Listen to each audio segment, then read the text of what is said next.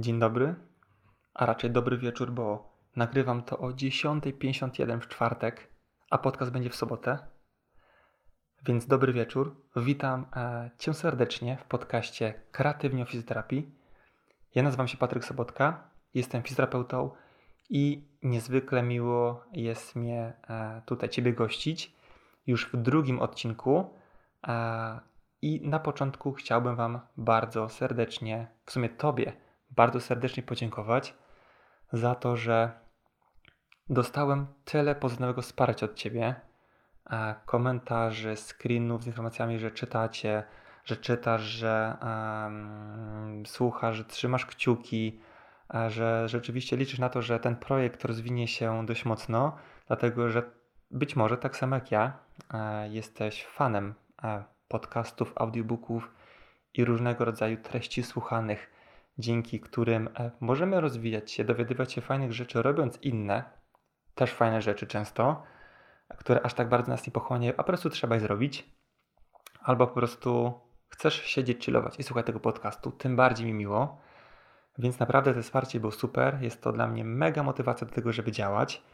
E, dodatkowo cieszę się, że przez tydzień, bo minął tydzień od publikacji, strasznie czas szybko leci, jak się okazuje bo ten tydzień minął mi momentalnie.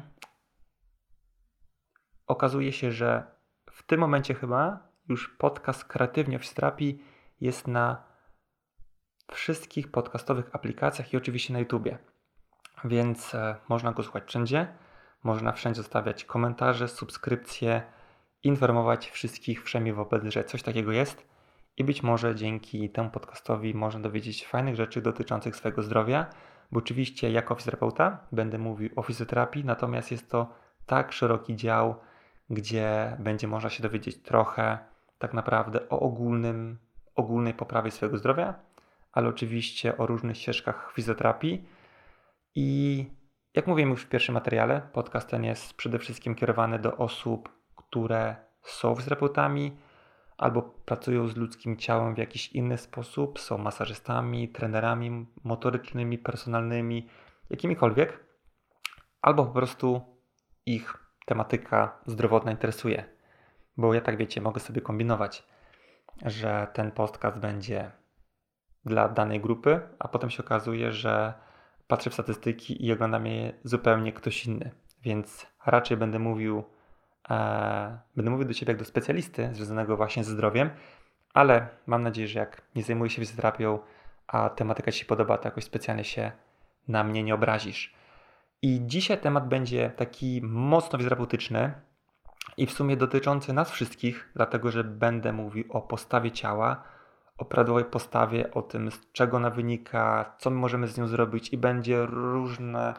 Tak naprawdę temat będzie taki rozrzucony, na takie małe temaciki, dlatego że jest to, no w sumie to otworzę troszkę puszkę Pandory i, i zagadnień związanych z postawą jest niesamowita ilość. Ale z racji tego, że podcast ten miał wyglądać tak, jakbyśmy sobie poszli na browarka i pogadali sobie po kumpelsku, to może Wam, może Tobie powiem, gdzie ja w ogóle jestem i dlaczego nagrywam w czwartek o godzinie 22.54 E, otóż jestem w Katowicach, pomimo tego, że pochodzę z Warszawy, to siedzę tutaj ponad tydzień, bo jestem pomiędzy dwoma kursami, pomiędzy masażem tkanek gumowych, który miałem okazję prowadzić tutaj dla e, ludzi z Katowic. Potem chwila przerwy, którą wykorzystałem e, na wypad na narty i z racji tego, że w Polsce nie ma kompletnie śniegu, to e, wylądowałem na Słowacji na Chopoku i było nawet nieźle, więc e, to trochę dziwna sprawa, bo przejeżdża się granicę. 100 km tak naprawdę. Chopok jest około 100 km od Szczyrku. W Szczyrku jest bardzo kiepsko, jeśli chodzi o warunki atmosferyczne, a, a na Chopoku no, padało tego śniegu, trochę aż za dużo padało tego śniegu, więc naprawdę było, było nieźle. Wyszalałem się, wychillowałem się, wysaunowałem, wymorsowałem. A, no kurde, czuję się mega zrelaksowany. I właśnie dzisiaj wróciłem w czwartek, dlatego że jutro od piątku prowadzę kurs terapii nerwowo-mięśniowej, więc będzie dużo o postawie, będzie dużo e, o tym, o czym zacznę mówić dzisiaj. Więc powiedziałem, bo wiecie, Ja mówię to dlatego, że no nie przychodzi się z kumplem na, e, na browarka, na kawę, na cokolwiek i nie wyjeżdża się z grubej rury od razu o głównym temacie dzisiejszego spotkania, tylko na, na początku hej, co tam u Ciebie, co tam u Ciebie, więc mniej więcej a, takich wstawek możecie spodziewać się trochę w innych materiałach. Mam nadzieję, że będzie fajnie i zbuduje to między nami taką niezłą, niezłą relację. Ja trochę też będę gestykulował, dlatego że ten materiał będzie na YouTubie, a wiem, że trochę osób ogląda, więc to tak, tak, tak dla nich. No i też muszę utrzymać kontakt wzrokowy, co, co też, jest, też jest troszkę dziwne przy, przy podcastach. I dziś jest pewnie będzie trochę gorszy dźwięk, dlatego że mam taki zestaw do nagrywania na wyjeździe, zmontowany w sumie na szybko. Dobra, ale mniejsza o tym. Przejdźmy do meritum, czyli postawa ciała. Ojej, dużo będzie materiałów, dużo będzie zagadnień. Natomiast dlaczego zaczynam od postawy ciała? Czy to jest najważniejsze w pracy fizjoterapeuty? Oczywiście, że nie. To jest tak, taka wypadkowa trochę z funkcjonowania innych układów naszego ciała. I w sumie mnie postawa aż tak bardzo nie interesuje, dlatego że jest to najczęściej skutek innych problemów, ale jak nagrywam jakikolwiek film o jakiejkolwiek tematyce, to pytań dotyczących postawy jest najwięcej, więc prawdopodobnie jest to temat, który Was interesuje najmocniej i prawdopodobnie jest to temat, który kojarzycie z terapią najbardziej, więc myślę, że to będzie dobry e, start w naszym e, podcaście kreatywnym dla fizjoterapeutów. I e, często pytacie mnie, mam odstające opadki, co zrobić? Mam miednicę w przedopochyleniu, co zrobić? Pogłębioną lordozę, pogłębioną kifozę, spłycony lord, odcinek szyjny, kolana wszpotawości, koślawości, wypłaszczony łuk podłużny, poprzeczne stopy, halux, jeszcze jakieś barki w protrakcji, inne rzeczy. Więc zasypujecie mnie takimi pytaniami i oczywiście one kończą się znakiem zapytania, czy mam się tym martwić, co powinienem z tym zrobić i jakie ćwiczenia wykonywać, żeby tak nie było. A nawet dzisiaj myślę, że na końcu pokuszę się o to, żeby odpowiedzieć na kilka pytań, które były ostatnio na Instagramie w QA, dlatego że zapytałem Was, co tak naprawdę interesuje Was, jeśli chodzi o postawy ciała, i tych pytań było dużo, więc wybierzemy kilka jako takie podsumowanie dzisiejszego materiału. więc jak widzicie, tworzycie trochę ze mną ten podcast. Tworzysz trochę ten podcast, więc to by takie, takie nasze wspólne dzieło będzie. Oczywiście, żeby to było wspólne dzieło, to a pewnie fajnie by jakbyś zerknął sobie jeszcze na Instagrama, Facebooka i YouTube'a inne filmy i wtedy będzie rzeczywiście takie tworzenie. Mm, pięknie będzie. dobra, więc pokrótce. W sumie tak naprawdę jak pytacie mnie o postawę ciała, to w efekcie pytacie mnie o tak naprawdę całokształt swojego zdrowia. Dlatego, że no ta postawa jest mocno związana z tym, jak funkcjonują nasze inne układy. I o tych zależnościach, o tych zależności sobie trochę, trochę zaczniemy. I jest to skomplikowane pytanie. Jakby te pytanie padło jakieś 7-8 lat temu, gdzie po studiach zaczynałem pracę, to pewnie bym odpowiedział na te pytanie bez wahania, dlatego że wtedy wszystko wydawało się proste. Ale w momencie, kiedy jakby mój sposób patrzenia na, na ludzi, którzy przychodzą do mnie, na ich problemy znacznie się rozszerzył. Nie tylko problemy narządu ruchu, ale o problemy trzewne, o problemy emocjonalne. To się okazuje, że teraz nie jestem nikomu w stanie odpowiedzieć na to pytanie, czy mam odstające opadki, czy warto coś z tym zrobić, dlatego że jest to takie e, pytanie, które tak naprawdę, jakbym odpowiedział na nie, to bym być może wprowadził e, tę osobę w błąd, dlatego że do końca nie wiem, e, co może być przyczyną tego problemu, a tych przyczyn może być dużo. Pytanie wydaje się błahe, no nie mam odstające opadki, no to prawdopodobnie będę musiał wzmocnić takie mięśnie, które ściągają tą opadkę, czyli tam czworoboczna część dolna, mięśnie równoboczne, być może zębaty przedni, który nam przykleił łopatkę do klatki piersiowej, a pewnie będę musiał rozluźnić takie mięśnie jak piersiowy mniejszy, który łopatkę pociąga do góry i do boku, a może jeszcze ewentualnie będę musiał e, powiedzmy, co, co tam jeszcze może być? Popracować sobie, na przykład rozluźnić mięsień czworboczy, część górna, który będzie łopatko rotował do zewnątrz, albo czworbocz, albo dźwigacz, który będzie rotował do wewnątrz i tak dalej, i tak dalej. Ale pytanie jest takie, skąd ten problem u tej osoby jest? Bo my już wiemy o tym, że e, sama postawa jest samym skutkiem i prawdopodobnie nie jest to tylko takie proste, oczywiste, że ok, słuchaj, wzmocnij te i te mięśnie, zacznie się ruszać i będzie super. Dlatego, że to podłoże może być zupełnie, zupełnie inne, więc ja na takie pytanie już nie odpowiadam.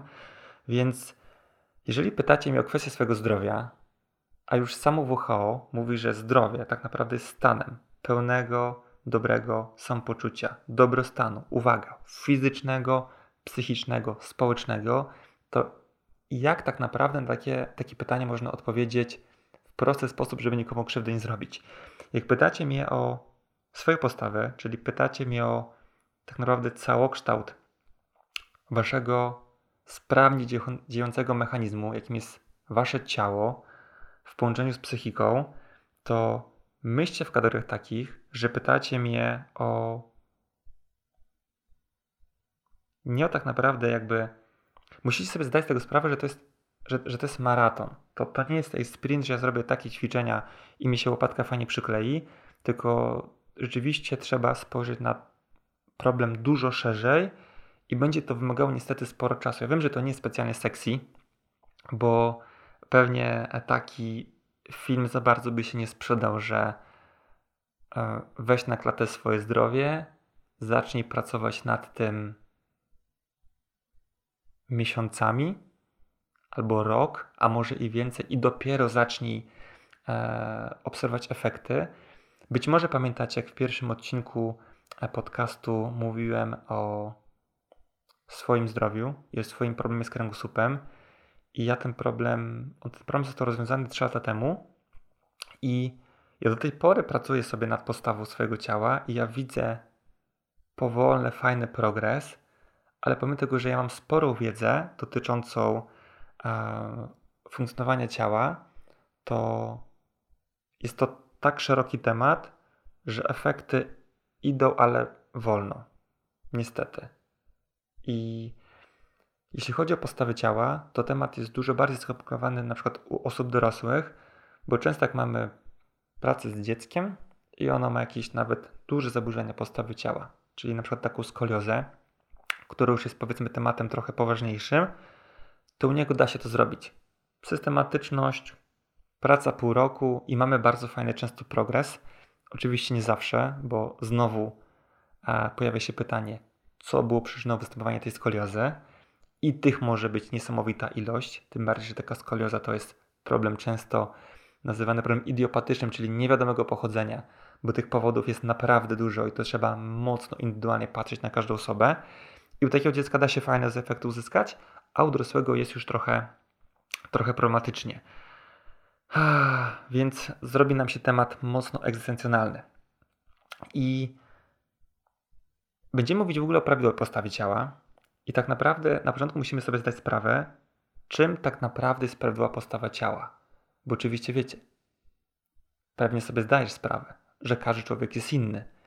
I to jest takie ciekawe, no nie? że jest taka pewna statystyka, gdzie u większości osób powinno być tak i tak, no i tak naprawdę wszyscy się do tego schematu muszą dopasować.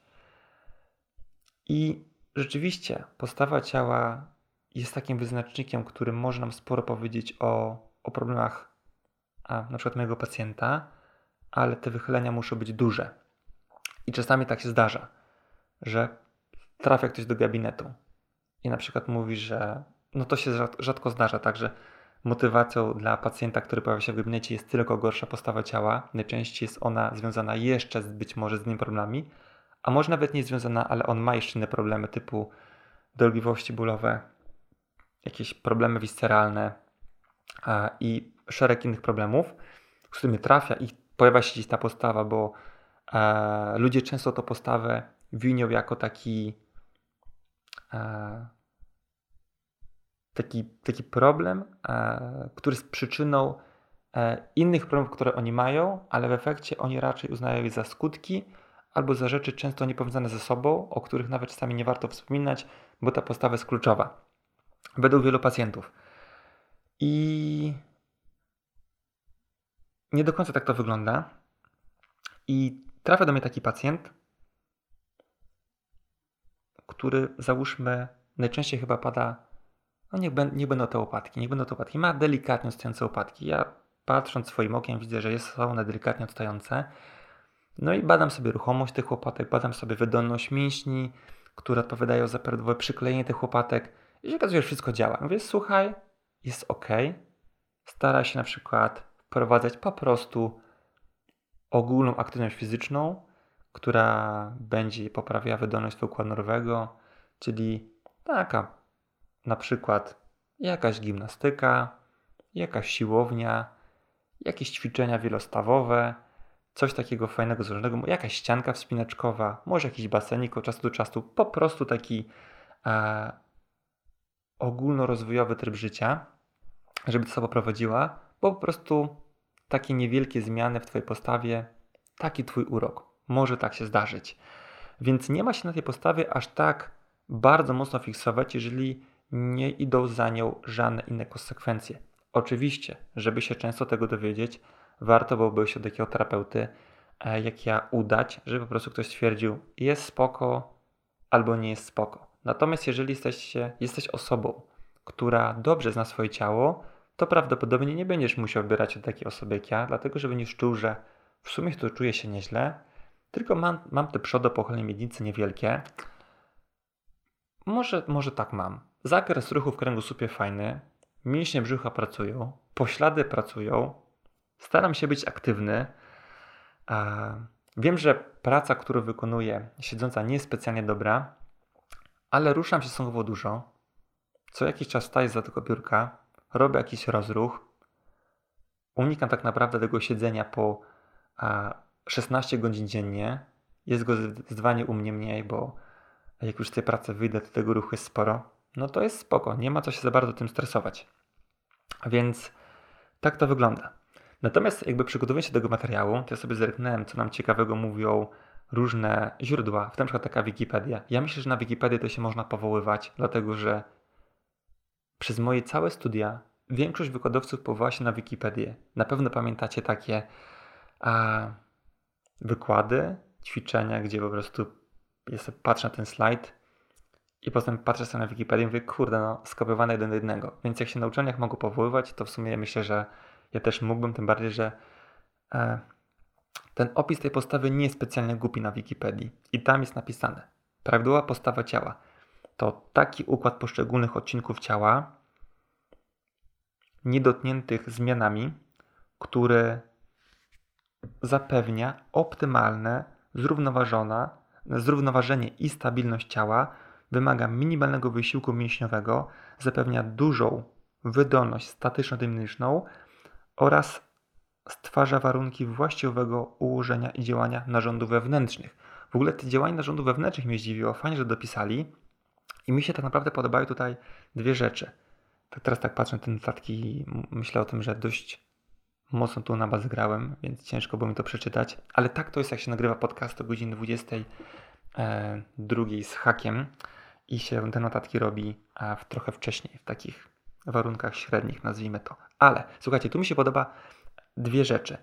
Działanie narządów wewnętrznych, duży plus za to, to jest fajne, ale też jeszcze E, zrównoważenie i stabilność, o którym było mówione, i minimalny wysiłek.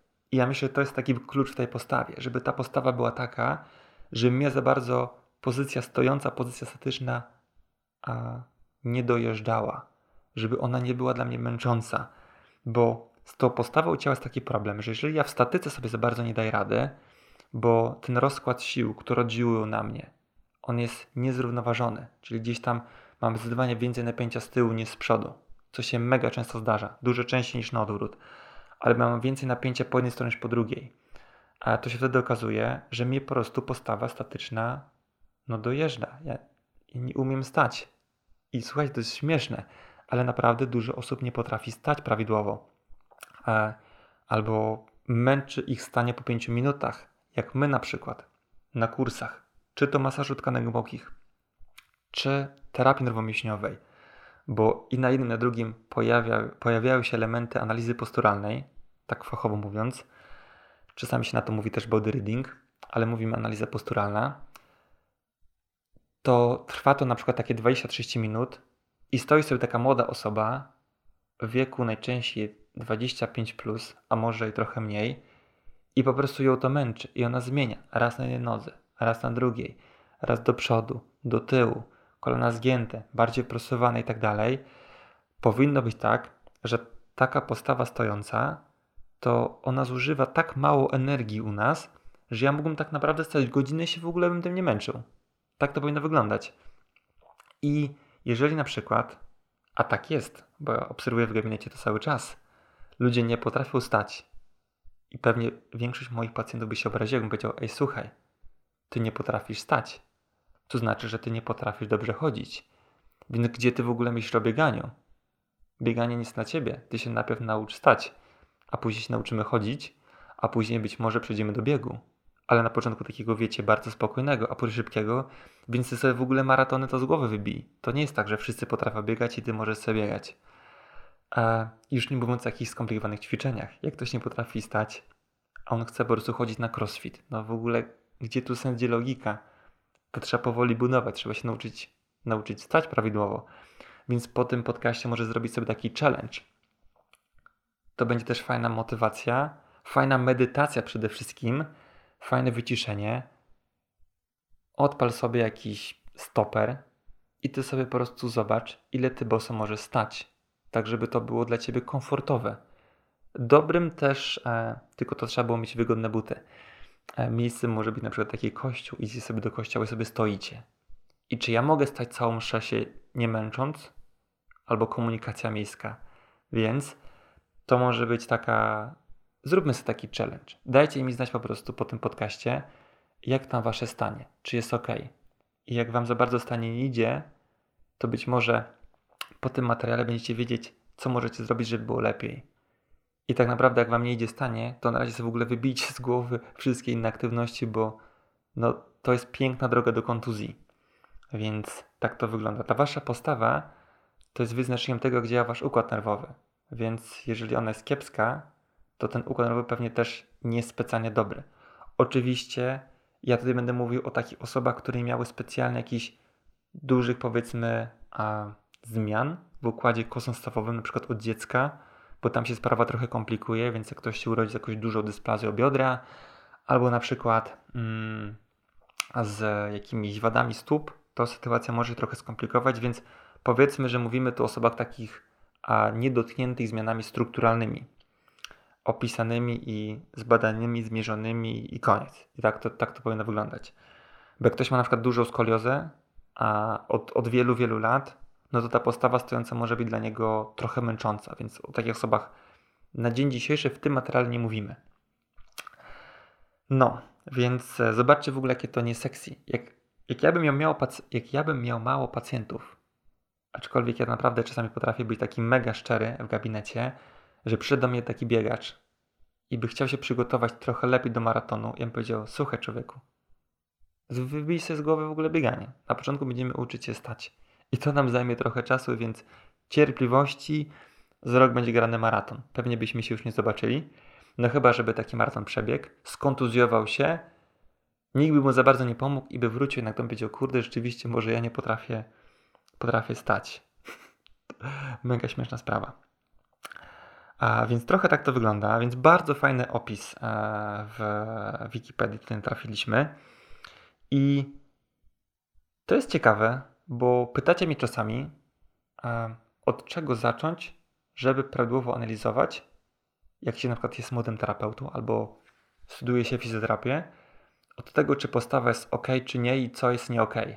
I z tą postawą to jest fajnie, dlatego że nam ta statyka hmm, to się tak mocno wyryła w banie, jak to powinno wyglądać, że większość osób wie, patrząc na kogoś, czy on ma postawę ok, czy on ma postawę nie ok.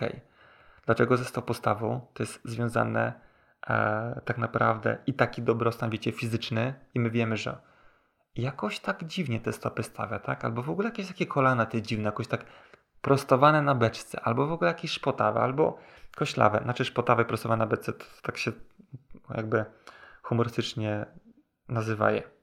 Czyli szpotawe to te prostowane na beczce. Tak kiedyś moja mama mówiła, z tego co pamiętam. Albo, chyba tak, chyba tak.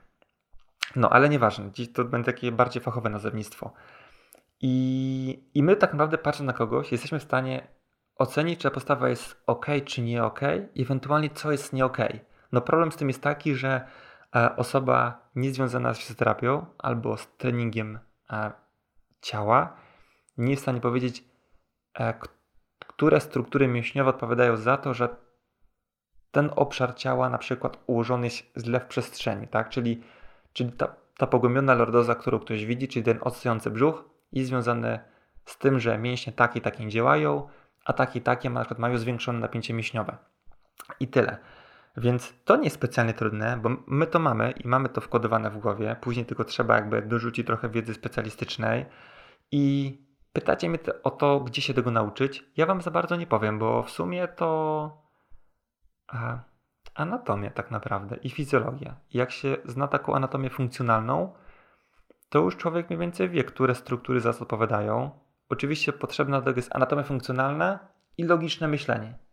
Ze mną to jest tak, że akurat ja bardzo mocno e, stąpam sobie po ziemi, to logiczne myślenie u mnie działa nieźle, więc w moim przypadku była to tylko e, anatomia funkcjonalna, a później jakoś się to fajnie poskładało w całość samo.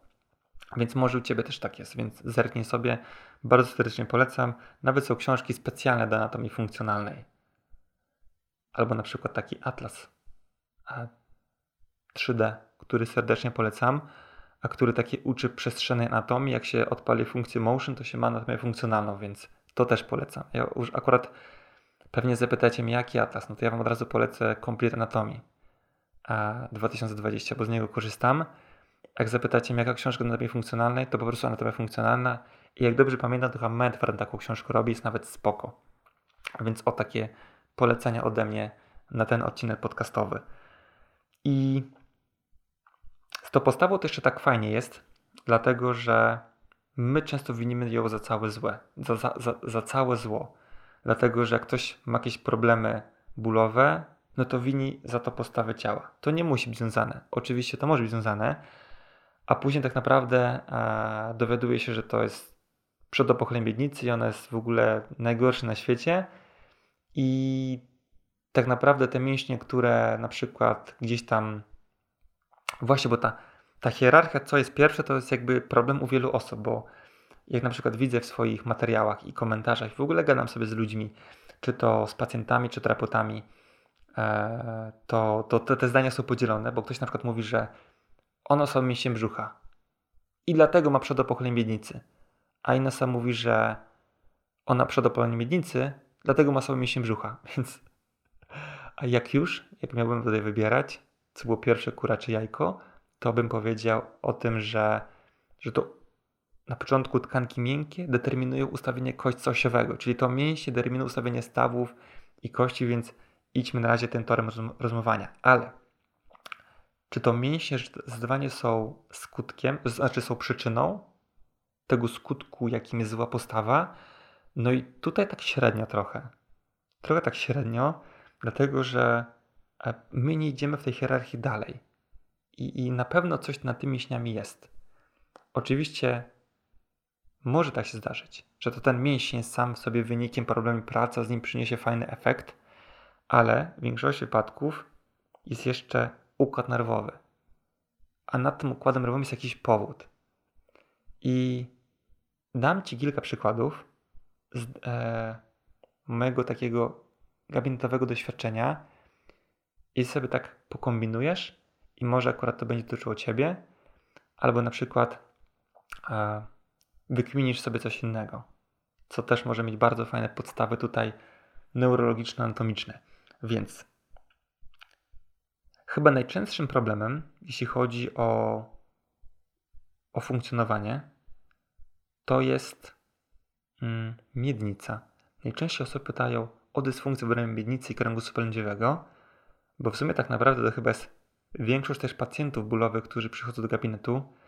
Co drugi pacjent, który przychodzi do mnie, to ma problemy e, z kręgosłupem lędźwiowym. aczkolwiek ostatnio zaczęli go wyprzedzać pacjenci z kolanami, bo jakiś czas temu nagrałem sobie kilka materiałów dotyczących kolan i pracy z kolanami i takich dziwnych powiązań. Szczególnie tam był jeden taki materiał, który wzbudził dość duże zainteresowanie. I słuchajcie, po tym materiale miałem strasznie dużo pacjentów z kolanami.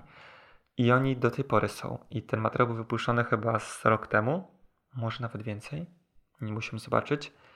I, i ta tendencja z tymi kolanami wzrasta. To trochę mnie niepokoi, bo ja za bardzo nie chcę pracować cały czas z tymi kolanami, no ale, ale cóż. Dobra, jak się nie ma tego, co się lubi, to się lubi, co się ma, więc ja tam bardzo chętnie przygarnę każdego pacjenta, który do mnie trafi. Ale ta miednica jednak pojawia się najczęściej i chyba na drugim miejscu jest kręgosłup szyjny, więc skupimy się na tych dwóch problemach i pokrótce Wam opowiem genezę. I tak się zastanawiam jeszcze, z racji tego, że jesteście tutaj młodymi albo terapeutami, albo się po prostu interesujecie ciałem, to doczytajcie sobie trochę o tym, jak ta teoretycznie, statystycznie e, dobra postawa ciała wygląda i teoretycznie co powinno być nad czym. Jak obserwujemy takiego pacjenta z boku, to o tym, że ten wyrostek sutkowaty i ten bark, i te biodro, i te kolano, kółkieć boczny, i ta kostka boczna, nawet trochę przed kostką boczną w stawie sokowym, to powinna być na jednej linii i wtedy jest nawet nieźle. I to jak się patrzy z boku pacjenta, jak powinno być, więc zerknijcie sobie ordynacyjnie, jak to wygląda. A sobie patrzymy na pacjenta z przodu albo z tyłu, czyli tak zwanej płaszczyźnie czołowej, to ten nos, broda, mostek, spojenie łonowe i, i tak naprawdę centralnie obszar między nogami, to też powinno być w jednej linii. Więc to jest kluczowe. Więc fajnie było o tym wiedzieć, bo się będę trochę do tego odnosił. No. I załóżmy sobie, że jest taka osoba, taka powiedzmy młoda dziewczyna, która przychodzi sobie do takiego gabinetu terapeutycznego i mówi, że ma przodopochleję miednicy i ma pogłębioną lordozę i w ogóle ma a, tak naprawdę taki odstający brzuch. Na pewno kojarzycie takie osoby, które mają, są już szczupłe, a na pewno nikt normalny nie zaleciłby im odchudzania. One, one chcą się odchudzać, dlatego że coś tam na tym brzuchu im wisi. Eee, I, I ten typ jakiś taki odstający, aczkolwiek to większości pań nie przeszkadza. Natomiast ten brzuch jest taki niefajny. No i ten kręgosłup jakoś tak zaczął boleć ostatnio. No i co z tym przodopocholeniem zrobić?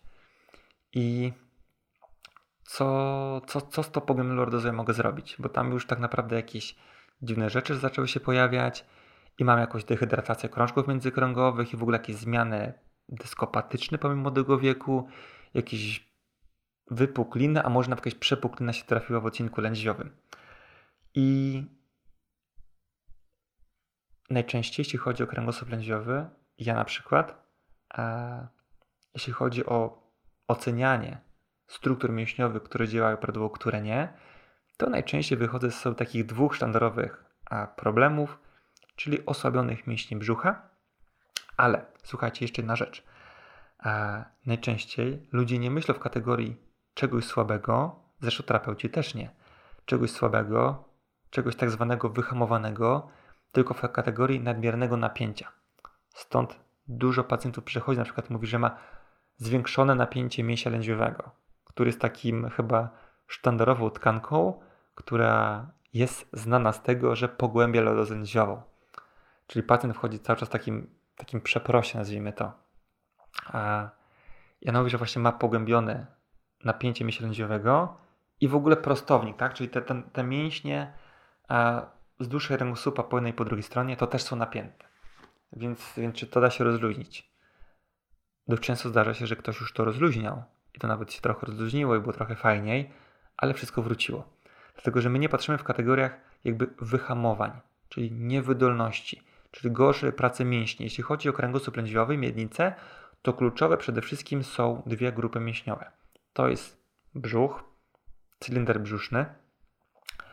Ja go nie rozpatruję specjalnie jakoś, jakoś mocno na, na jakieś mięśnie wybiórcze, czyli raczej badam sobie ten kręgosłup, ten, te mięśnie brzucha, dzielę sobie to na przednią ścianę czyli w to wchodzą i prosty, i w sumie trochę skośne zewnętrznie, wewnętrzne, i w sumie trochę poprzeczny. I jak badam sobie tą przednią ścianę, to oceniam sobie całokształt pracy tych mięśni i badam sobie boczną ścianę i w sumie tą boczną ścianę to wchodzą wszystkie mięśnie oprócz tego prostego brzucha, więc w sumie tak naprawdę to takie małe izolowanie trochę. E, pewnie dużo osób się ze mną nie zgodzi, bo dużo osób myśli w kategoriach pracy poprzecznego, poprzeczny, poprzeczny, poprzeczny. Natomiast ja mam bardzo mocno zrównoważone e, pogląd na temat ważności jednych mięśni nad innymi i jakby tutaj nie kategoryzuję tak tych, tych mięśni, że te są ważniejsze, a te są mniej ważne. No, wszystkie mięśnie brzucha są ważne, więc sobie badam je jako całość. Tym bardziej, że izolowanie tak naprawdę mięśni to w ogóle jest inny temat. Może kiedyś go poruszymy. Jakby izolowanie mięśni. To nie istnieje w przyrodzie tak naprawdę. Że na przykład nie macie ćwiczenie albo jesteście w stanie sprawić, że on nie działa skośny zewnętrzny. Albo ja będę teraz ćwiczył tylko skośny zewnętrzny, a inne mięśnie brzucha nie. Dobra, ale wracając do tematu. Czyli ja oceniam sobie te mięśnie brzucha i rzeczywiście okazuje, że one są niewydolne. I potem na przykład oceniam sobie pośladki. I to jest taka, druga taka grupa mięśniowa, przede wszystkim pośladkowy wielki, który ma bardzo duży wpływ na e, ustawienie miednicy w przodopochyleniu, czyli wyhamowane poślady właśnie to powodują. E, z racji tego, że my się stosunkowo mało ruszamy, moja koleżanka śmiesznie tak kiedyś mi to powiedziała o tak zwanej amnezji pośladów, czyli ludzkość trochę zatraciła umiejętność napinania pośladami. Być może osoby, które ćwiczą na siłowni, są trenerami i spędzają dużo pracy, żeby motywować i zachęcać ludzi do ruchu, to się okazuje, że no trudno te poślady zaangażować. Więc e, to jest taka druga grupa mięśniowa, która jest kluczowa, jeśli chodzi o pracę kręgu pędziowego. I okazuje się, że te mięśnie są niewydolne. Ale pytanie dlaczego? Może się okazać, że ta osoba, ta młoda dziewczyna, o której sobie mówimy, to ona na przykład jest jakoś tam aktywna, ona tam ćwiczy, ona robi jakieś brzuszki, nawet być może ma trenera i coś tam, coś tam robią. A się okazuje, że ja sobie kładę ją na kozetkę i te mięśnie są niewydolne. To nie jest do końca tak, że ona ma te mięśnie słabe. Tylko najczęściej to wygląda tak, że te mięśnie są niewydolne, dlatego że układ nerwowy nie zarządza prawidłowo ich napięciem. I tutaj sobie dochodzimy do tego, że te mięśnie często są wykonawcą różnych zadań, a takim e, zleceniodawcą e, jest układ nerwowy. I to często trzeba się nim zainteresować. I pytanie jest takie: dlaczego układ nerwowy u tej młodej dziewczyny nie chce zaangażować prawidłowo mięśni brzucha? I być może okazać, że on unika zwiększonego napięcia tych mięśni, dlatego że tam są cały czas jakieś dysfunkcyjne obszary w tym brzuchu, które można powiedzieć, że bombardują układ nerwowy i układ nerwowy w efekcie nie chce zwiększyć napięcia, co w efekcie może zwiększyć bodźcowanie z tych dysfunkcyjnych obszarów, co w efekcie jeszcze bardziej może zwiększyć bombardowanie układu nerwowego. A bombardowanie układu nerwowego to jest coś, czego układ nerwowy i mózg bardzo nie lubi. Więc on unika tego. Więc on uniknie tego w ten sposób, że zmniejszy napięcie mięśniowe, oczywiście nie myśląc w takich kategoriach e, długoterminowych, co się stanie z moim użytkownikiem, jeżeli ten użytkownik będzie miał wyhamowane, czyli zmniejszone napięcie z mięśni brzucha przez wiele lat. Oczywiście grozi to być może, znaczy na pewno poważnymi skutkami, e, jak choćby zła postawa ciała, jak być może bóle w odcinku lędźwiowym i tak tak dalej. Więc tak naprawdę to jest pytanie, które najczęściej pada w moim gabinecie, na które staram się odpowiedzieć. I takich sytuacji jest naprawdę dużo. I co może być powodem tego, że już mamy jakieś dysfunkcyjne obszary? Jeżeli, jeżeli chodzi o a, odcinek brzuszny, o cylinder brzuszny, może tak mówiąc fachowo, to na przykład to, co mnie interesuje oczywiście, to jest to, że są jakieś obszary, jakieś podrażnienia receptorowe i te podrażnienia receptorowe mogą, mogą być na różnych poziomach tkanek. Może oznaczać to, że na przykład, że ta osoba ma na przykład problem z jelitami. I powiedzmy, że ewidentnie je produkty, które nie służą, albo nabawiła się już jakichś problemów z florobakteryną i tak dalej, i tak dalej, co w efekcie powoduje, że prawidłowe napięcie mięśni brzucha to będzie coś, co będzie unikane przez układ nerwowy, czyli jej mózg nie będzie chciał napiąć mięśni brzucha prawidłowo i tego napięcia utrzymywać w sposób ciągły, dlatego że e, może to spowodować zwiększone jakby problemy z tymi, lity, z tymi litami, które ona ma. Oczywiście na razie sobie gdybamy, bo takiego pacjenta przed sobą nie ma, więc musimy sobie w ten sposób pokombinować. Więc problemy litowe są dużo przeszkodą do tego, żeby ten brzuch działał prawidłowo. Więc to może być przyczyna. Czyli zobaczcie już, mięśnie mięśniami, ale nad tym mięśniami mamy układ nerwowy, nad układem nerwowym mamy inny powód, który drażni ten układ nerwowy, czyli dysfunkcje litowe. Więc robi się dość ciekawie. Inną sytuacją może być na przykład jakaś operacja albo uraz w obrębie jamy brzusznej, co w efekcie a, może powodować, że tam cały czas mamy jakieś podrażnienie. Myślę, że większość z Was a, zna działanie łuku druchowego. Łuk druchowy to też, jest, to też jest dobry temat do rozkminy tutaj, ale tak pokrótce Wam teraz powiem coś na temat łuku druchowego. Na pewno znacie takie doświadczenie albo spotkaliście się z tym wiele razy, że ktoś Wam przy, przykłada coś ostrego do, do ręki i jaka jest Wasza odpowiedź? No zabieracie tą rękę, tak? Czyli ktoś drażni Wasz receptor, informacja biegnie sobie z tego receptora do, oczywiście nerwami do ośrodkowego nerwowego, najczęściej do rdzenia kręgowego i z rdzenia kręgowego odpowiedź do efektora, czyli do mięśnia typu zabie, napnij się, żeby zabrać rękę. No i, i mięsień się napina i, i tą rękę zabieramy. I to się nazywa, nazywamy to odruchem ucieczki albo nocceptywnym odruchem, odruchem ucieczki. Czasami jest nazywany odruchem zgięciowym, ale z racji tego, że problem ten nie dotyczy tylko zginaczy, tylko całego naszego ciała, to nie będziemy tak tego nazywać, czyli będzie to odruch ucieczki. I ten, co ciekawe, ten odruch ucieczki może być utrwalony, może, może się utrwalić z różnych powodów, ale jakby o co chodzi? Chodzi o to, że wyobraźcie sobie, co by się wydarzyło, gdyby, gdyby ktoś coś ostrego przyszedł wam do mięśni do brzucha, do mięśni brzucha. Oczywiście by się ten mięśnie brzucha zmniejszy napięcie i zabrali je, tak? Żeby po prostu a, uniknąć tego podrażnienia.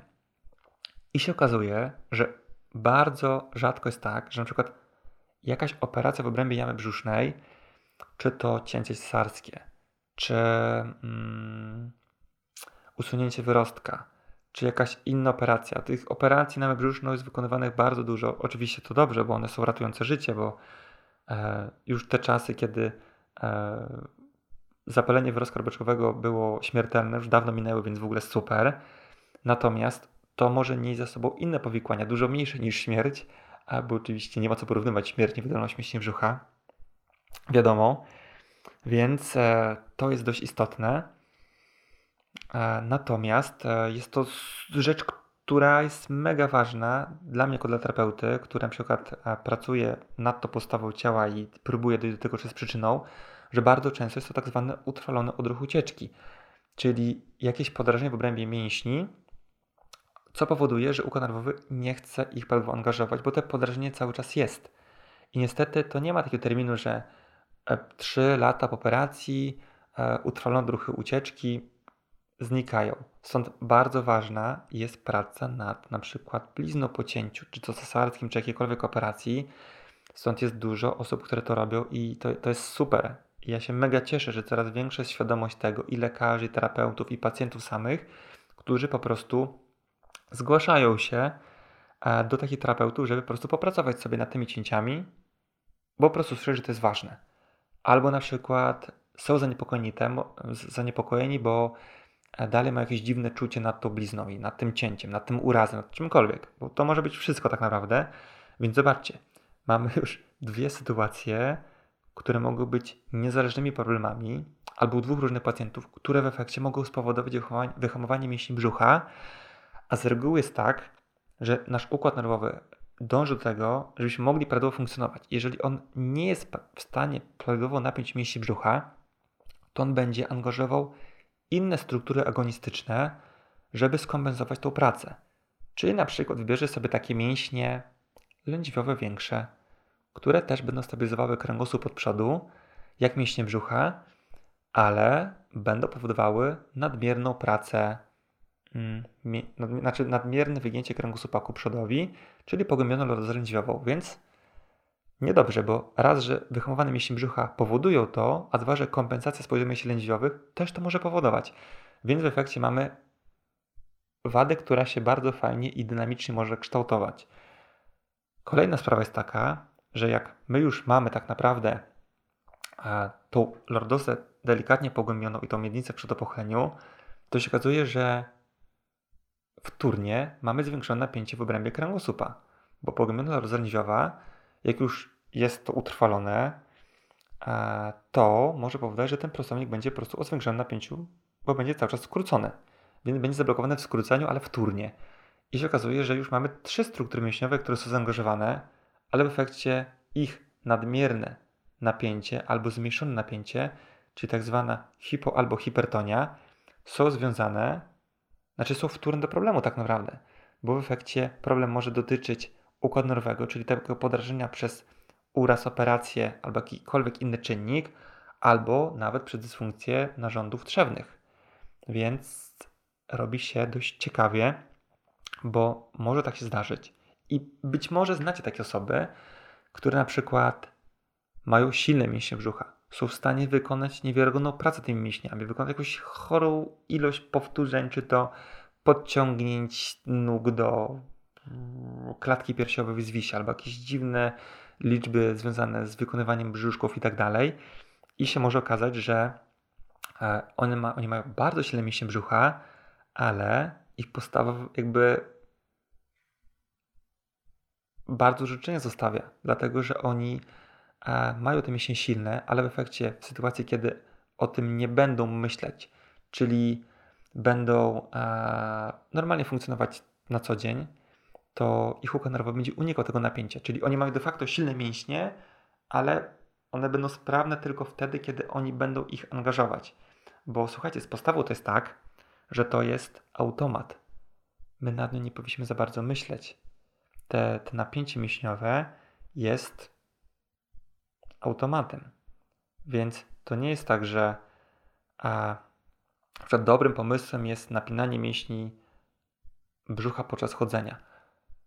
O bardzo fajny przykład. Ostatnio a, mój zaprzyjaźniony kolega terapeuta Marcin Absalon, którego serdecznie pozdrawiam z Wrocławia, a, zrobił taką ankietę. Ja już teraz może nie przytoczę tego słowo w słowo, bo zapomniałem o nie, dopiero mi się przypomniało teraz.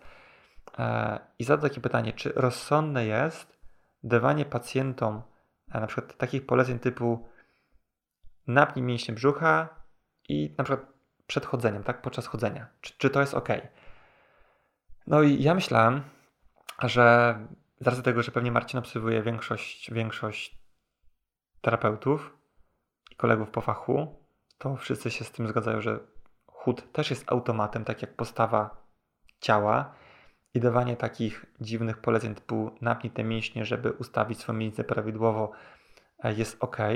Właśnie nie jest ok, dlatego że to zaburza pracę chodu, który powinien być automatyczny i się okazuje, że my na przykład chodząc napinamy mięśnie brzucha, przez co w efekcie ograniczamy ruchomość miednicy, przez to chodzimy w ogóle jak kołki, przez to zamiast ta siła rozkładać się na całe nasze ciało, to w ogóle jest jakoś wyhamowywana i yy, podczas chodu niepotrzebnie obciążamy jakoś specjalnie swoje biodra, kolana.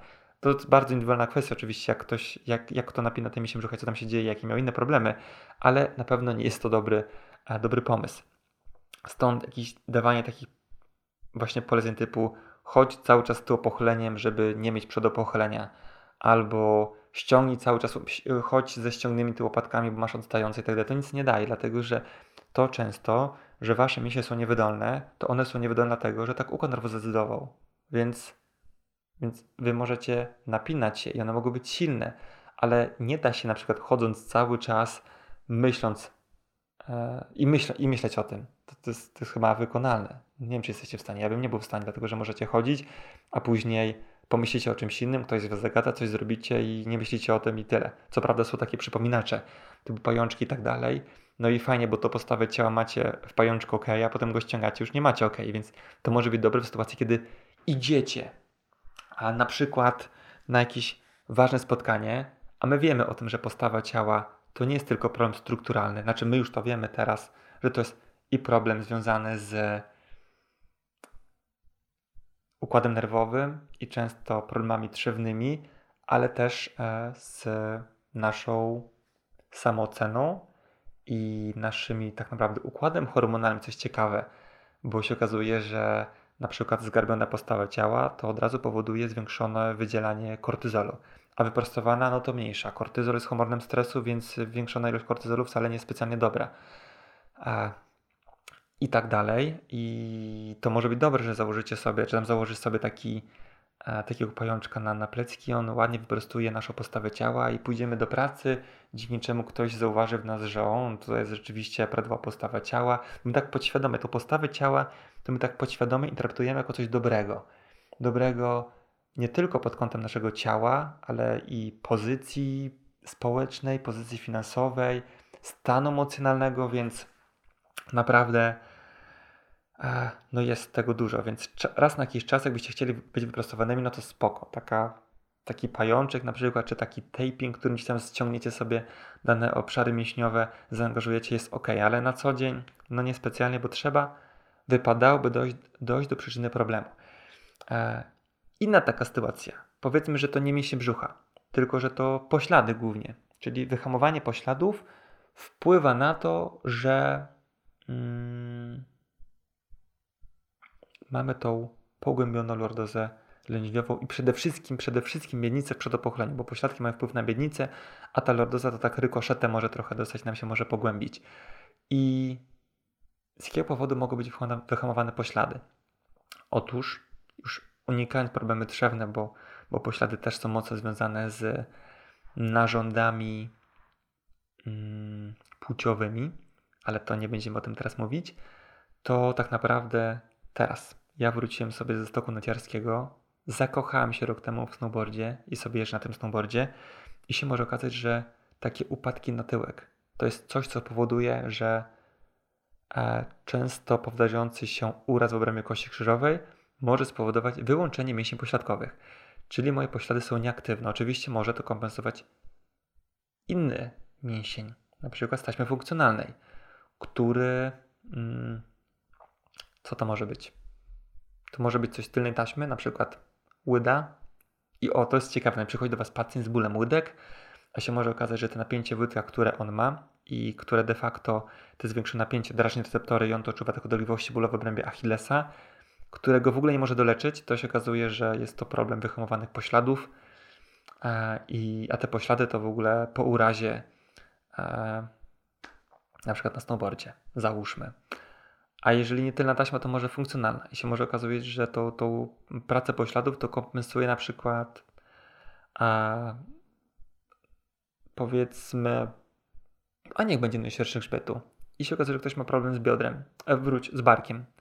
A ten problem z barkiem to jest problem przede wszystkim jest, jest skutkiem, a przyczyną są poślady i też może być wyhamowanie na przykład z poziomu a, kości krzyżowej i upadków na kość krzyżową i na kość guziczną może nie przy snowboardzie, tylko przy innej sytuacji. No słuchajcie, ile razy upadliście na tyłek, to już, a, to już tylko wy wiecie, więc, więc warto o takich rzeczach myśleć.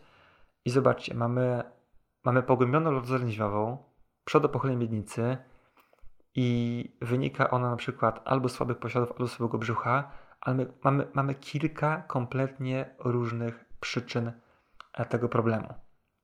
Więc jakie mogę polecić tak naprawdę jakieś jedno ćwiczenie, proste ćwiczenie komuś, kto ma taki problem jak no, w ogóle nie wiem, którędy droga. Tak jak dopóki tego pacjenta nie dotknę, nie zbadam, nie sprawdzę, nie ocenię, no to nie jestem w stanie nic mądrego i kreatywnego i niestandardowego, jak ten podcast powiedzieć.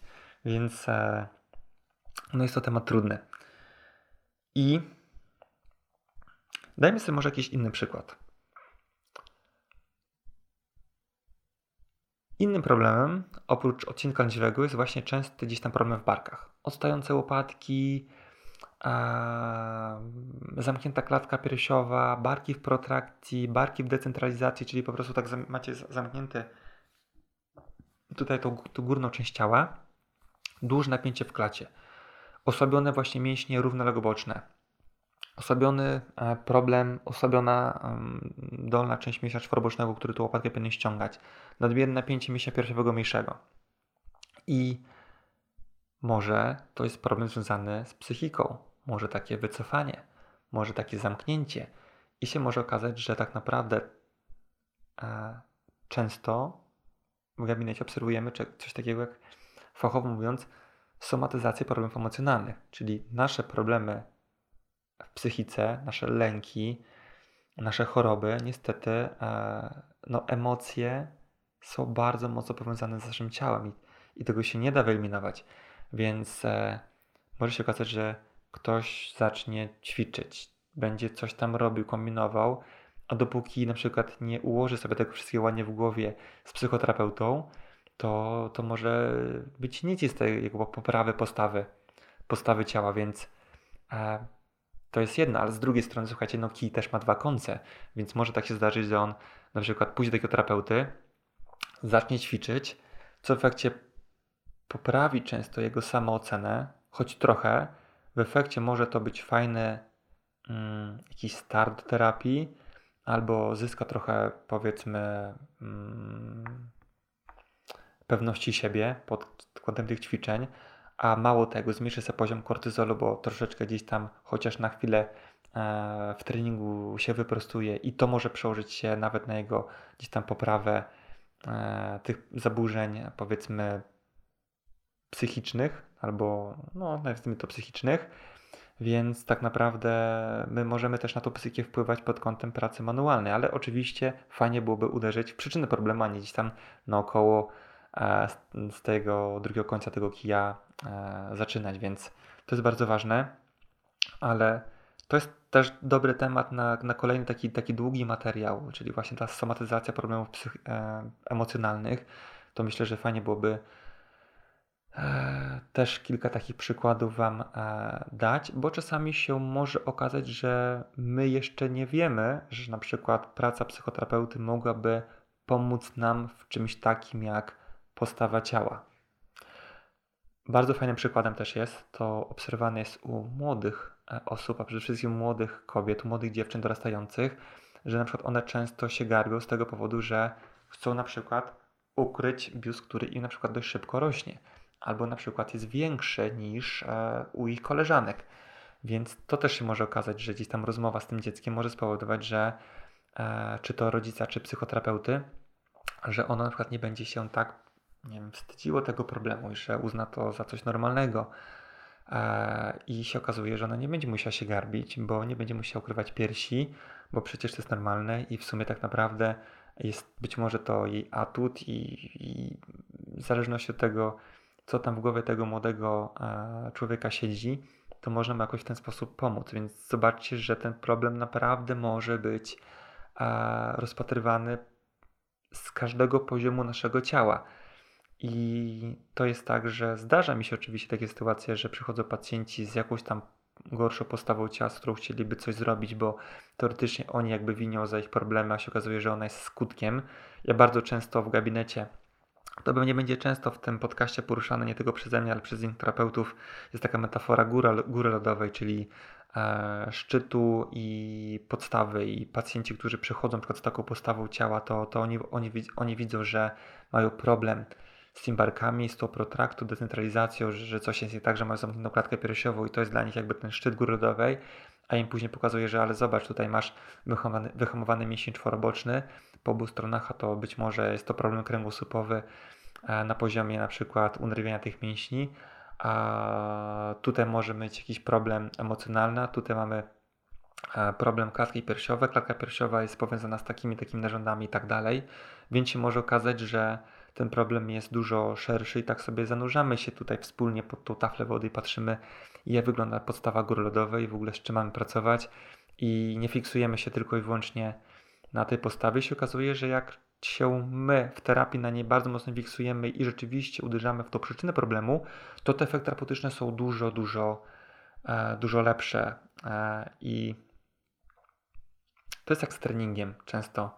Ja myślę, że takie fajne e, porównanie często można dać, że jeśli chodzi tak naprawdę o ruch, to większości osób motywacją do ruchu powinno być zdrowie. I często jak my idziemy w kategorii jakby tego zdrowia, to się okazuje, że kurde, ja się czuję lepiej, ale ja też przy okazji schudłem. Mało tego, ja a, oprócz tego, że schudłem i czuję się lepiej, to się w ogóle wyprostowałem i mam w ogóle większy zakres ruchu w stawach i tak dalej, i tak dalej, więc to jest wszystko gdzieś tam przy okazji, a motywacją powinien być e, gdzieś takie nasze ogólne samopoczucie. Natomiast wiem, niestety trochę się oszukuję, bo ja lubię żyć w takim idealnym świecie. E, zdrowie to jest trochę za mało, żeby było motywacją do zmiany czegokolwiek, więc niech, niech ja jestem w stanie przystać na inne motywacje, żeby ten, ten ruch, ta chęć pójścia do terapeuty, ocenia tego była, e, po prostu pojawiła się w głowie, więc to już mi wystarczy. Dobra. I zobaczcie, jak dużo tematów poruszyliśmy tutaj. Myślę, że trochę udało mi się rozszerzyć Wasze myślenie na temat postawy ciała. Myślę, że warto byłoby przejść sobie teraz do e, kilku e, pytań, które pojawiły się w tym QA. Ja tylko przebrnę sobie teraz bardzo ładnie, bo widzę, że mi się tutaj to wyłączyło e, i będę posiłkował się telefonem, bo oczywiście tych pytań nie pamiętam na pamięć, było ich dużo. Też chciałbym tak przecedzić i wziąć te najfajniejsze, najciekawsze. Dobra. I mamy takie pytanie od Remigiusza. Znaczące przodopochylenie do przodu. Przeprost w kolanach. Jakie mięśnie mogą być, jakie mięśnie mogą zaburzać a, prawidłową postawę ciała? I o tym przechyleniu trochę już było, bo najczęściej E, jest to właśnie praca, gorsza praca mięśni brzucha, gorsza praca pośladów i najczęściej będą kompensowały to takie mięśnie, które e, są agonistami dla mięśni brzucha i dla pośladów. Czyli jak masz wyhamowane poślady, to często w konsekwencji nadmiernie napięte będą mięśnie grupy kulszowo-goleniowej, które też wykonują przedopchłe miednicy, a jak masz słabe mięśnie brzucha, to będą kompensowały to czy mięśnie lędźwiowe, które są stabilizatorami od przodu, czy mięśnie zginacze bioder, czy inne mięśnie z przodu ud, które wykonują też zgięcie, czyli na przykład przywodziciele albo napręż pomi szerokiej, więc tego może trochę być. Tutaj anatomia funkcjonalna się e, kłania. Natomiast pamiętajcie o tym, że mięśnie często, w sumie praktycznie zawsze są a, takim parobkiem układu nerwowego, więc nie ma sensu zajmować się parobkiem, parobkiem skoro trzeba uderzyć do szefa i zapytać się, hej szefie, dlaczego ja mam ten problem?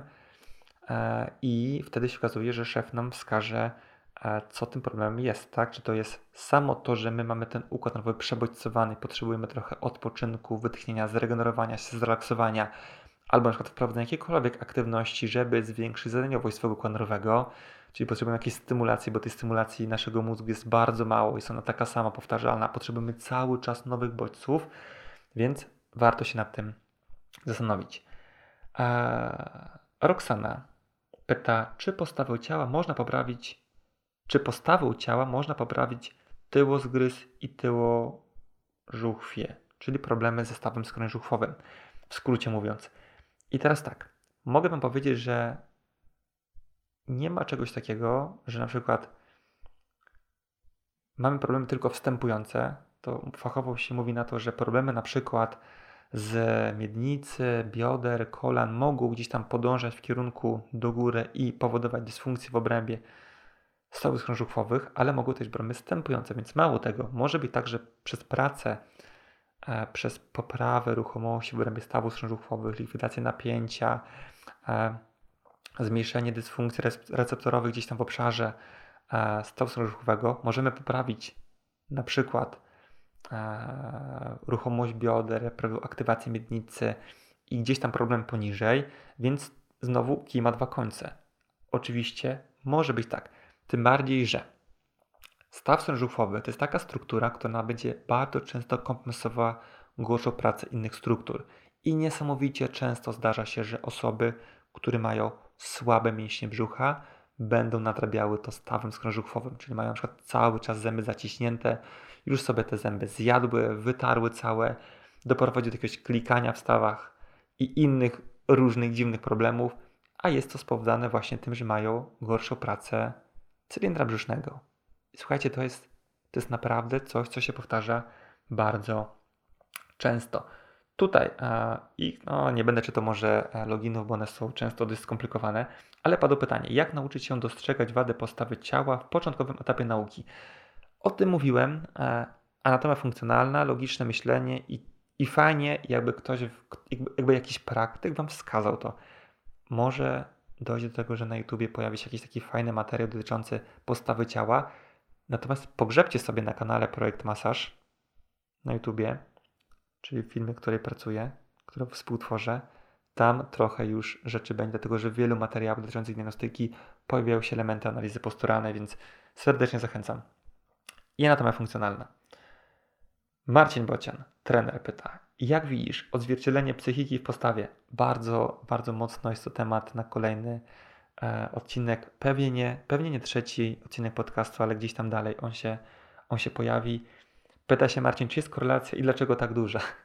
Dlatego, że niestety e, nasze problemy emocjonalne bezpośrednio wpływają na wydolność naszego nerwowego i na, mogą, mogą tam drążyć dziurę gdzieś w mózgu nam i cały czas obciążać tutaj e, obwody naszego nerwowego. Stąd niestety e, one uderzają bezpośrednio do szefa i to tak, tak wiecie, mocno, tak konkretnie, tak dosadnie. No i ten szef później poszkodowany robi takie inne rzeczy z naszym ciałem niestety.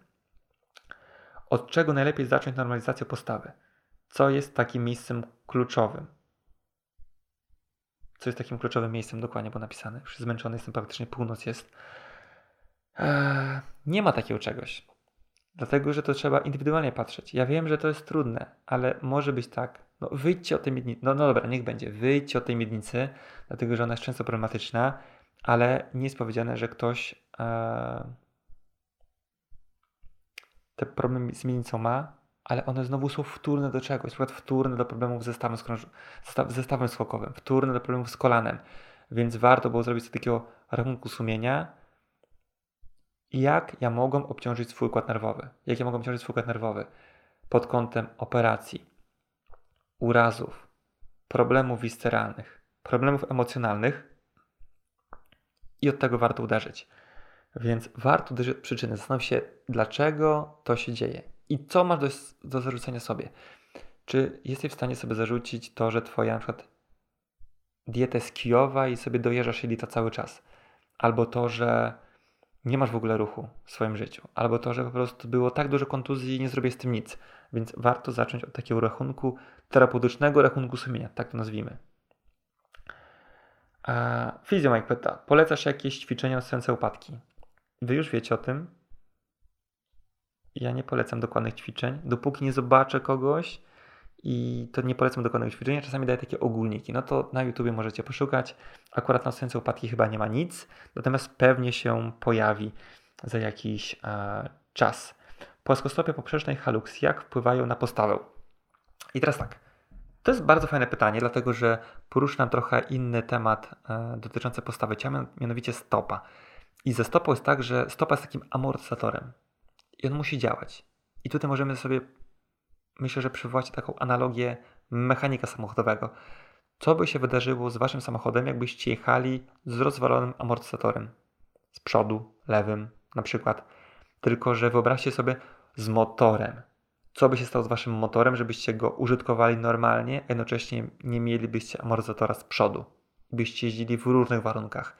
Po terenie, po prostym, duża prędkość ma prędkość. To pewnie byście rozwalili inne części w motorze, tak? Nadwozie, podwozie być może wszystko by się rozsypało, koło, koło było do wymiany, a więc e, felga było do wymiany, opona być może też, więc pewnie duże rzeczy by się popsuło, być może hamulce by się rozwaliły. I tylko dlatego, że amortyzator przestał działać, a my dalej użytkowaliśmy nasze ciało jak wcześniej. Więc to jest trochę problematyczne. Oczywiście nie zachęcam Was, żebyście odstawili ten oto do garażu, czyli żebyście odstawili swoje ciało do garażu nie ruszali się kompletnie, bo to nie przyniesie na pewno żadnych dobrych efektów i rezultatów. Natomiast e, fajnie byłoby się zastanowić, jak ja mogę ten amortyzator dalej naprawić. I te płaskostopie. Płaskostopie niestety, o ile to nie była jakaś wada wrodzona dotycząca układu kostnego, to jest to znowu niewydolność mięśniowa. Trzy kluczowe mięśnie dla płaskostopia to jest mięsień pierślowy przedni, pierślowy tylny i strzakowy długi. Trzeba zobaczyć, czy te mięśnie działają, jeżeli masz, to pewnie nie działają i zobaczyć, dlaczego nie działają, czyli dlaczego twój układ nerwowy specjalnie te mięśnie wyłączył, wyhamował i masz te płaskostopie, a samo płaskostopie jest bardzo fajną przyczyną do tego, żebyś halux uformował. I raczej to jest ta kolejność, nie, nie to, że halux był pierwszy, a płaskostopie później, tylko na przykład płaskostopia, później halux, ale płaskostopie podłużne i poprzeczne, ja nie lubię tego specjalnie dzielić. Mówmy sobie o po prostu podeszwy stopy. Teraz w niektórych opracowaniach nawet zauważyłem, że pojawia się taka, nie pamiętam dokładnie gdzie to widziałem, ale już kilka razy gdzieś przyuważyłem, nazewnictwo typu kopuła stopy. Więc jak mamy zaburzoną kopułę stopy, możemy sobie tak fachowo teraz mówić, będzie fancy. A, więc może to wpływać na resztę ciała. Często płaskostopie, znaczy problemy z podeszwą stopy wpływają na dysfunkcję w kolanie. Te wpływają gdzieś tam na miednicę, na ustawienie kręgosłupa i się być może okazać, że po skręconym stawie skokowym, który był niedoleczony, który spowodował wyhamowanie mięśni wsklepiających podeszwę stopy, e, masz e, e, dużo większe obciążenie w obrębie kolana, przez co sobie dojechałeś łąkotkę jedną i znowu unikanie na przykład tak naprawdę obciążenia tego kolana, bo jeżeli masz uraz w obrębie stawu skokowego i dysfunkcję robią łąkotki, to prawdopodobnie przerzucasz cały ciężar ciała na drugą stronę. I się okazuje, że to już powoduje znowu masę różnych problemów dotyczącą miednicy, kręgosłupa i całego ciała, więc robi się bardzo fajnie, tylko z powodu nieleczonej kontuzji, wsadzonej w gips, nie robione po prostu zero. Zero rehabilitacji, zero czegokolwiek, unikanie ruchu i mamy fajny, fajny problem dotyczący całego ciała. A tutaj mm, Lola pyta, czy Twoim zdaniem zespoły skrzyżowania istnieją? Jest coś takiego, jak taki mniej więcej strukturalny opis problemów e, miednicy i szyi i barków, określonych jako zespół skrzyżowania dolnego i górnego. Zostały to e, opisane przez e, tak zwanego e, profesora Jandę. On był chyba profesorem, jak dobrze pamiętam. Nieważne. E, I właśnie dotyczą takiego strukturalnego podejścia. One według mnie, znaczy tak, same zespoły w sobie jakby nic nie mówią same z siebie, Natomiast rzeczywiście mogą być takim mini punktem zaczepienia, że przychodzi do ciebie ktoś z bólem lędźwi i widzisz przedopochnie miednicy pogłębioną lordozę, no to rzeczywiście zobacz sobie, czy mięśnie brzucha są wydolne, poślad wydolny, a potem zobacz sobie, jak napięcie mięśni lędźwiowych, prostego uda, prostownika i tak dalej. Więc jakby można się na nich opierać, ale nie zawsze to musi być jakby idealnie książkowo, dlatego że życie pokazuje, że jest trochę inaczej, e, ale warto, warto tego wyjść. Nie zawsze prosi. To taka taki mini skrócik, ale później tak będzie trzeba wrócić na szlaki, iść normalną drogą, więc, więc spoko, takie minimalne skrócenie zakrętu. Na pewno chodzicie po górach, wiecie o co chodzi. Eee, coś tam o tapingu było, to ja chwilkę mówiłem tutaj Wam o tapingu, mm, bo padło pytanie, co Pan powie o tapingu, stosuje Pan u swoich pacjentów, co niespecjalnie dotyczy też postawy ciała, w sumie nie potrzebnie to pytanie czytam, natomiast ja jestem jak najbardziej ja tak naprawdę nie mam problemów z żadną metodą. Tapping też jest super. Tylko trzeba go robić wtedy, kiedy go trzeba robić tak naprawdę. Więc jak ktoś ma na przykład problem z mięśniami brzucha, niewydolnymi mięśniami brzucha i powoduje to, niech będzie te przodopochylenie miednicy i pogłębioną lordozę, to robienie tapingu na prostownik ociąględziwego, żeby go rozluźnić, ok, może dać fajny efekt, a i zmniejszy się być może nawet dolegliwości bólowe pacjenta, ale znowu nie tędy droga, bo problem jest brzuch, a tak naprawdę układ nerwowy na przykład, więc warto sobie zerknąć. Dobra. I też padały takie różnego rodzaju pytania dotyczącego od czego warto analizować pacjenta. Czy na przykład mamy kogoś z wadą postawy i widzimy, że jest jakiś problem stopy i bioder. Czy mam zacząć od biodra, czy od stopy? Fajnie byłoby uwzględnić wszystko i zobaczyć taki ciąg żynowo-skutkowy, bo słuchajcie, nic nie psuje się bez powodu. Zawsze możemy sobie znaleźć jakiś konkretny e, mechanizm tak naprawdę wynikający jeden z drugiego, dlaczego ten problem jest u mojego pacjenta. Więc warto sobie to sprawdzić. Zarówno problemy stopy mogą wpływać na biodra, jak i problemy biodra mogą wpływać na stopę. Pamiętajcie, kij ma dwa końce i problemy ciała mogą być zarówno wstępujące, jak i wstępujące. Więc kilka takich mądrych słów tutaj dzisiaj udało się użyć, więc super. Zła postawa czy ratunek na złe nawyki? Gdzieś ostatnio słyszałem, że to jest tak, że ta postawa taka, którą często widzimy u pacjentów, czyli ten problem z miednicą, przedopochyleniem i właśnie te barki gdzieś tam takie jak e, pogłębiona kiwoza piersiowa i te barki do przodu i ta głowa taka trochę wystająca, to jest dlatego, że ludzie są leniwi i teraz po prostu unikają jakby zwiększenia jakby spalania kalorii i jakby chodziło o to, że jakby test lenistwa. E, niekoniecznie dlatego, że prawidłowa postawa ciała to jest minimalny wydatek energetyczny, więc jakby się dało, to ludzie wszyscy by chodzili idealnie wyprostowani, pięknie zachowane w krzywizny kręgosłupa, pięknie obciążona stopa, która jest idealnym amortyzatorem itd., tak itd. Tak Natomiast e, to, co my widzimy, jest to rzeczywiście jakiś problem, e, który nie został rozwiązany. I to może być problem, czy to trzewny, czy to mm, psychosomatyczny, czy to właśnie związany z gorszą gdzieś tam e, bodźcowaniem oka nerwowego, czyli nic nie robię, nie stymuluję mojego oka nerwowego i tak dalej. A więc e, no, to jest jakby manifestacja waszego organizmu, waszego układu nerwowego, waszego ciała na różne problemy, które w waszym ciele, w twoim ciele są, więc warto myśleć o tym w ten sposób i naprawdę wtedy robi się dużo fajniej, dużo ciekawej, zarówno e, z perspektywy terapeuty, jak i z perspektywy e, pacjenta.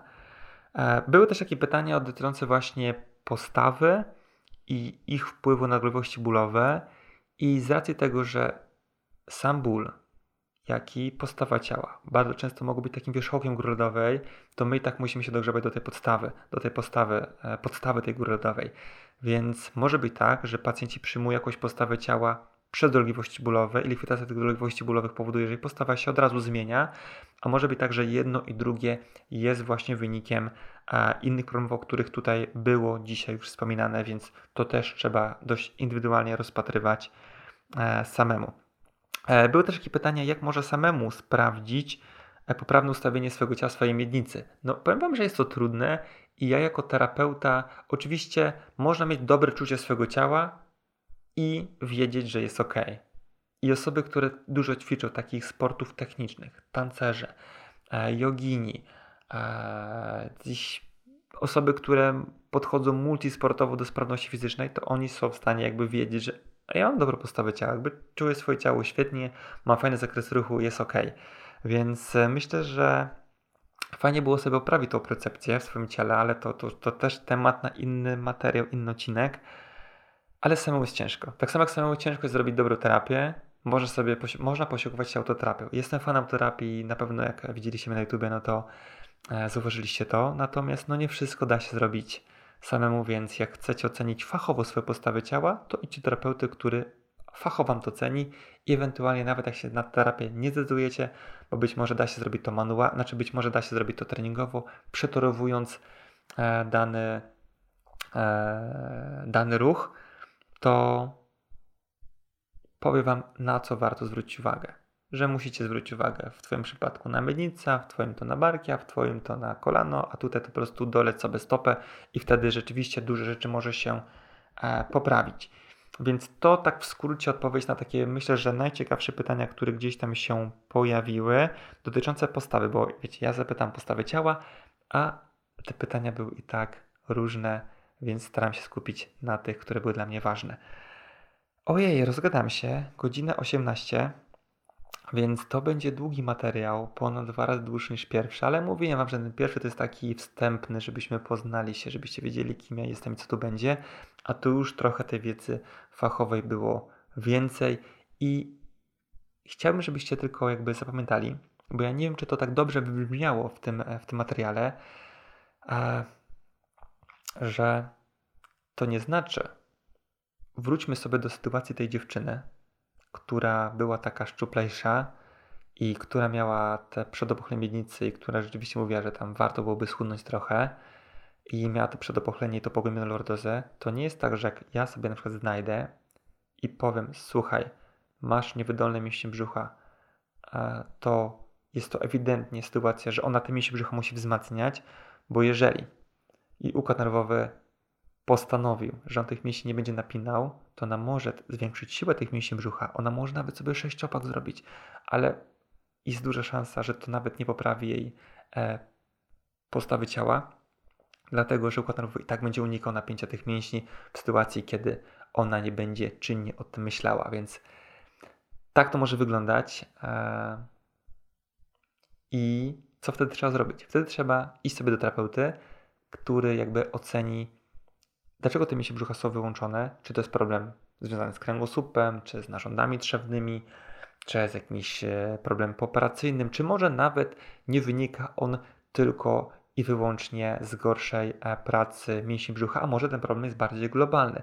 Do teraz możecie, jeżeli nie słuchaliście pierwszego e, odcinka tego podcastu, cofnąć się do pierwszego odcinka, gdzie mówiłem właśnie, że miałem wyhamowane mięśnie brzucha, z czego kompletnie sobie nie zdawałem sprawy, a było to związane z urazami w obrębie głowy, więc ten problem może być naprawdę dużo większy i szerszy i zahaczający więcej tkanek niż nam się wydaje, więc fajnie byłoby o tym wiedzieć, aczkolwiek są takie sytuacje, że można to przetorować ruchowo, czyli ktoś ma słabe mięśnie brzucha i rzeczywiście aktywności w jego życiu było mało, angażuje te mięśnie, ćwiczy, ćwiczy, ćwiczy, ćwiczy, ćwiczy, mija odpowiednia ilość czasu, nie wiem ile, to jest dość indywidualna kwestia, u każdego może być inaczej i się okazuje, że on ma większą moc nad tym mięsiem brzucha i te mięśnie brzucha zaczynają pracować i ten tonus mięśniowy wzrasta, ten e, spoczynkowy tonus mięśniowy, gdzie ktoś stoi, on powinien być odpowiedni, jest odpowiedni i te mięśnie brzucha nie były wydolne, a są wydolne.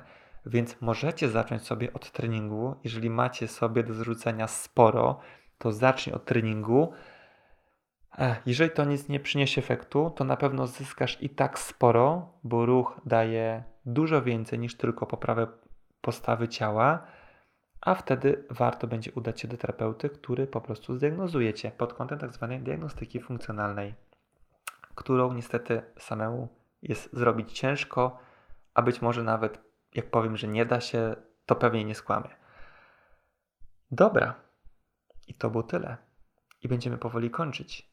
Ja będę kończył, wy też będziecie kończyć, więc e, żegnamy się, ale zanim się pożegnamy, fajnie byłoby, gdybyście dalej mnie tak tutaj pięknie, żebyś dalej mnie tak pięknie wspierał tutaj.